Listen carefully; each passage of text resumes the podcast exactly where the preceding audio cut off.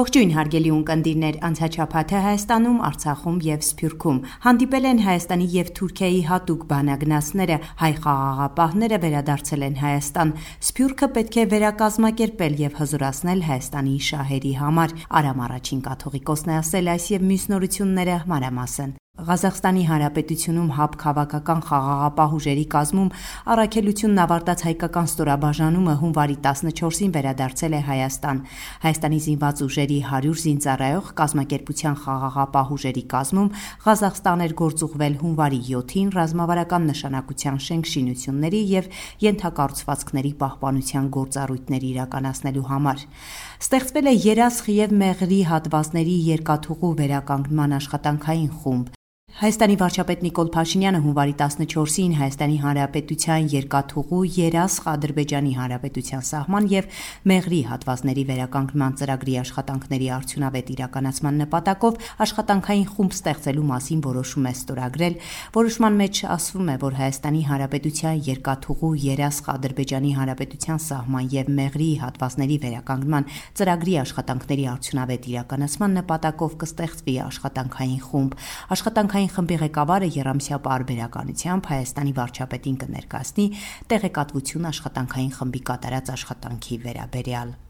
Հայաստանն ակնկալում է Թուրքիայի հետ երկխոսության գործընթացի արդյունքում դիվանագիտական հարաբերություններ կհաստատվեն Հայաստանի եւ Թուրքիայի միջև, ինչպես նաեւ կբացվի երկու երկրների միջև սահմանը, ասել է Հայաստանի արտաքին գործերի նախարարության մամուլի քարտուղար Վահան Հունանյանը։ Հայաստանի եւ Թուրքիայի հատուկ ներկայացուցիչների հունվարի 14-ին ծրագրված առաջին հանդիպմանն ընթരാճ Հունանյանն ընդգծել է նաեւ, որ հայկական կողմի տպավորությամբ Թուրքիայի կառավարությունը նույնպես կիսում է առանց նախապայմանների երկխոս երկխոսություն սկսելու մոտեցումը։ Հայաստանի ակնկալիքներն այդ երկխոսությունից ըստ էության նույնն են, ինչ եղել են 90-ականների սկզբներից ի վեր։ Մենք ակնկալում ենք, որ գործընթացի արդյունքում Հայաստանի եւ Թուրքիայի միջև դիվանագիտական հարաբերություններ կհաստատվեն եւ երկու երկրների միջև սահմանը, որը Թուրքիայի կողմից միակողմանիորեն փակվել էր 90-ականների սկզբին, կբացվի ասել է արտգործնախարարության մամուլի խոսնակը։ Վաշինգտոնը ողջունել է Երևանի եւ Անկարայի միջև կայացած երկխոսությունը։ Մենք ջերմորեն ողջունում ենք հայ-թուրքական երկխոսությունը եւ երկու երկրների ներգրավվածությունը դիվանագիտության եւ երկխոսության մեջ միմյանց միջև արկա տարաձայնությունները կարգավորելու համար հայտարարել է Միացյալ Նահանգների պետքարտուղարությունը։ Հունվարի 14-ին Մոսկվայում տեղի ունեցել Հայաստանի եւ Թուրքիայի հատուկ ներկայացուցիչներ Հայաստանի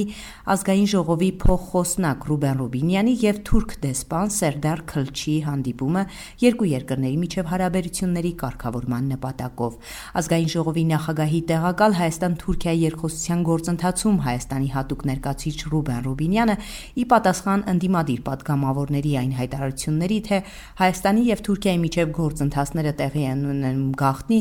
ասել է. Ինը որ դուք ասում եք տեղի են ունենում գախտագողի գործընթացներ։ Ինչ ամենաշատը սա է նյարդայնացնում, որովհետև հարգելի գործընկերներ, Հայաստանի Հանրապետության պատմության ընթացքում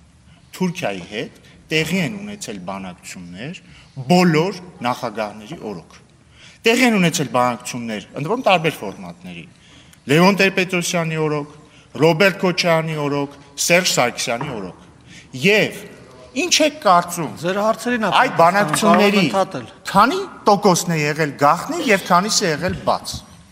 ավելի շատ տոկոս եղել է գախնի, քան բաց։ Ազգային ժողովի ամբիոնից ասել է, որ միակ դեպքն է, որ սկսվում է Հայաստան-Թուրքիա հարաբերությունների կարգավորման գործընթաց եւ այդ գործընթացի առաջին իսկ կետը հրաապարակային է։ Միակ դեպքն է, երբ որ սկսվում է գործընթաց Հայաստան-Թուրքիա հարաբերությունների կարգավորման եւ այդ գործընթացի առաջին իսկ կետը հրաապարակային է։ Հայաստանի արտգործնախարարությունը հանդիպման մասին հաղորդագրությունում նշում է, որ կառուցողական մթնոլորտում կայացած առաջին հանդիպման ընթացքում հատուկ ներկայացուցիչներն իրենց նախնական մտքերն են փոխանակել Հայաստանի եւ Թուրքիայի միջև երկխոսության միջոցով կարգավորման գործընթացի վերաբերյալ։ Կողմերը համաձայնել են շարունակել լիարժեք կարգավորման ուղղված բանակցությունները առանց նախապայմանների։ Երկրորդ հանդիպման ամսաթիվն ու վայրը կորոշվի պատշաճ ժամկետում դիվանագիտական ուղիներով ասված է հաղորդագրության մեջ։ Ավելի ուշ նույնաբովանդակ հաղորդագրություն էր տարածել նաև Թուրքիայի արտաքին գործերի նախարարությունը։ Հայաստանի նախագահ Արմեն Սարգսյանն աշխատանքային այցով եղել է Արաբական Միացյալ Էմիրություններում, այցի շրջանակներում նախագահի հանդիպումներում օրակարգային առանցքային հարցերն են եւ տարածաշրջանային անվտանգության եւ կայունությանը վերաբերող հարցերը։ Հայաստանի նախագահն անդրադարձել է Արցախի հարցին, պատերազմից հետո մեր երկրում եւ տարածաշրջանում ստեղծված իրավիճակին, զարգացումներին եւ մարտահրավերներին։ Հայաստանը շարժայի ժառանգության օրեր մշակութային փառատոնի պատվավոր հյուրն է եղել նաեւ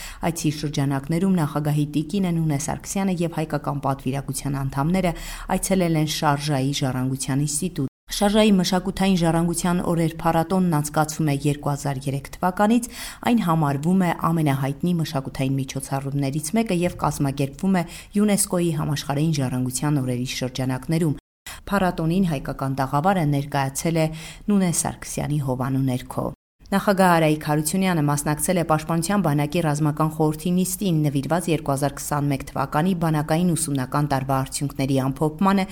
Նա ընդգծել է, որ ինչպես բանակաշինության, այնպես էլ զինվորական անձնակազմի սոցիալական խնդիրները գտնվում են Արցախի կառավարության ուշադրության կենտրոնում եւ արվելու է ամեն ինչ, որպիսի Արցախում ապահովվի անվտանգության բարձր մակարդակ։ Արցախի ազգային ժողովի բոլոր խմբակցությունները հանդես են եկել համատեղ հայտարարությամբ, հերթական անգամ ընդգծել ընդգծելով, որ Բաքուն չի փոխում իր հայատյաց, իսկ հնարավորության դեպքում նաև ցեղասպան քաղաքականությունը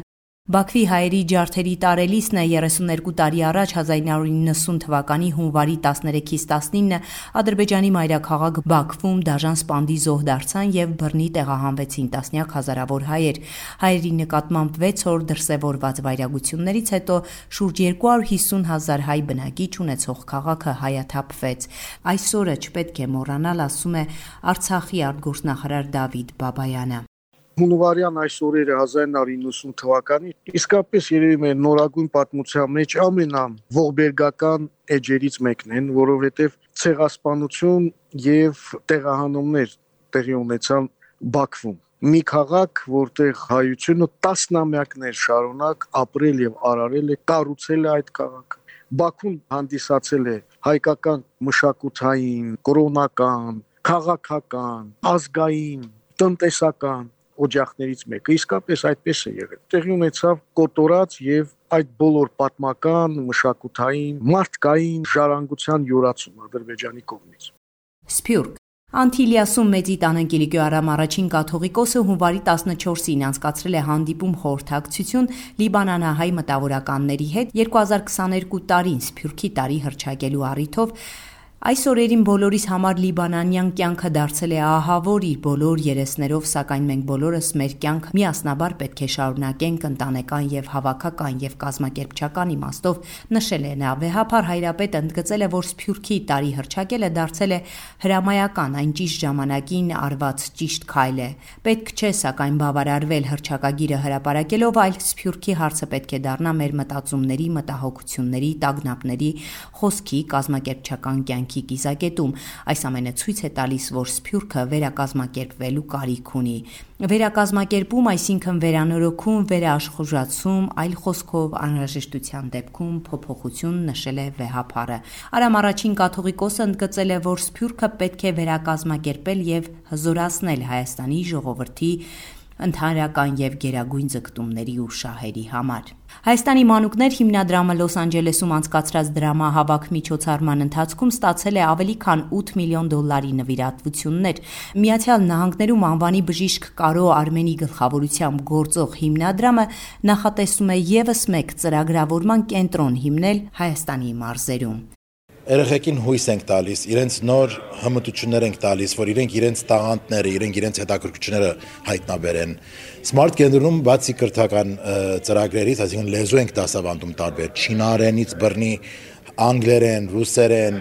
թուրքերեն, պար, արվեստ, գրաֆիկա, ռոբոտիկս, ամեն տեսակի բան, որ այդ երեխան, որ գյուղում մեծանում է, տեսնի, որ ունի հնարավորություններ Հայոց ցեղասպանության պատմության դասավանդումը պարտադիր է դարձել Միացյալ Նահանգների եւս մեկ նահանգում։ Միացյալ Նահանգների Մասաչուսեթս նահանգի միջին եւ ավագ դպրոցներում ցեղասպանության ուսուցումը այսուհետ կլինի պարտադիր 2021 թվականի փետրվարի 2-ին մի խումբ օրենսդիրներ Մասաչուսեթսի Սենատի եւ Ներկայացուցիչների պալատի հաստատմանն էին ներկայացրել ցեղասպանության կրթության վերաբերյալ օրինագիծը, որը նահանգապետի կողմից ստորագրվել է 2021-ի դեկտեմբերին, այդպիսով ստանալով օրենքի ուժ։ Այն կիրառության մեջ կմտնի ուսումնական նոր տարում 2022-ի հուլիսի 1-ից։ Այսքանը անցնող շաբաթը Հայաստանում, Արցախում եւ Սփյուռքում. SBS-ի համար Երևանից ամփոփեց Գիտալի Բեկյանը։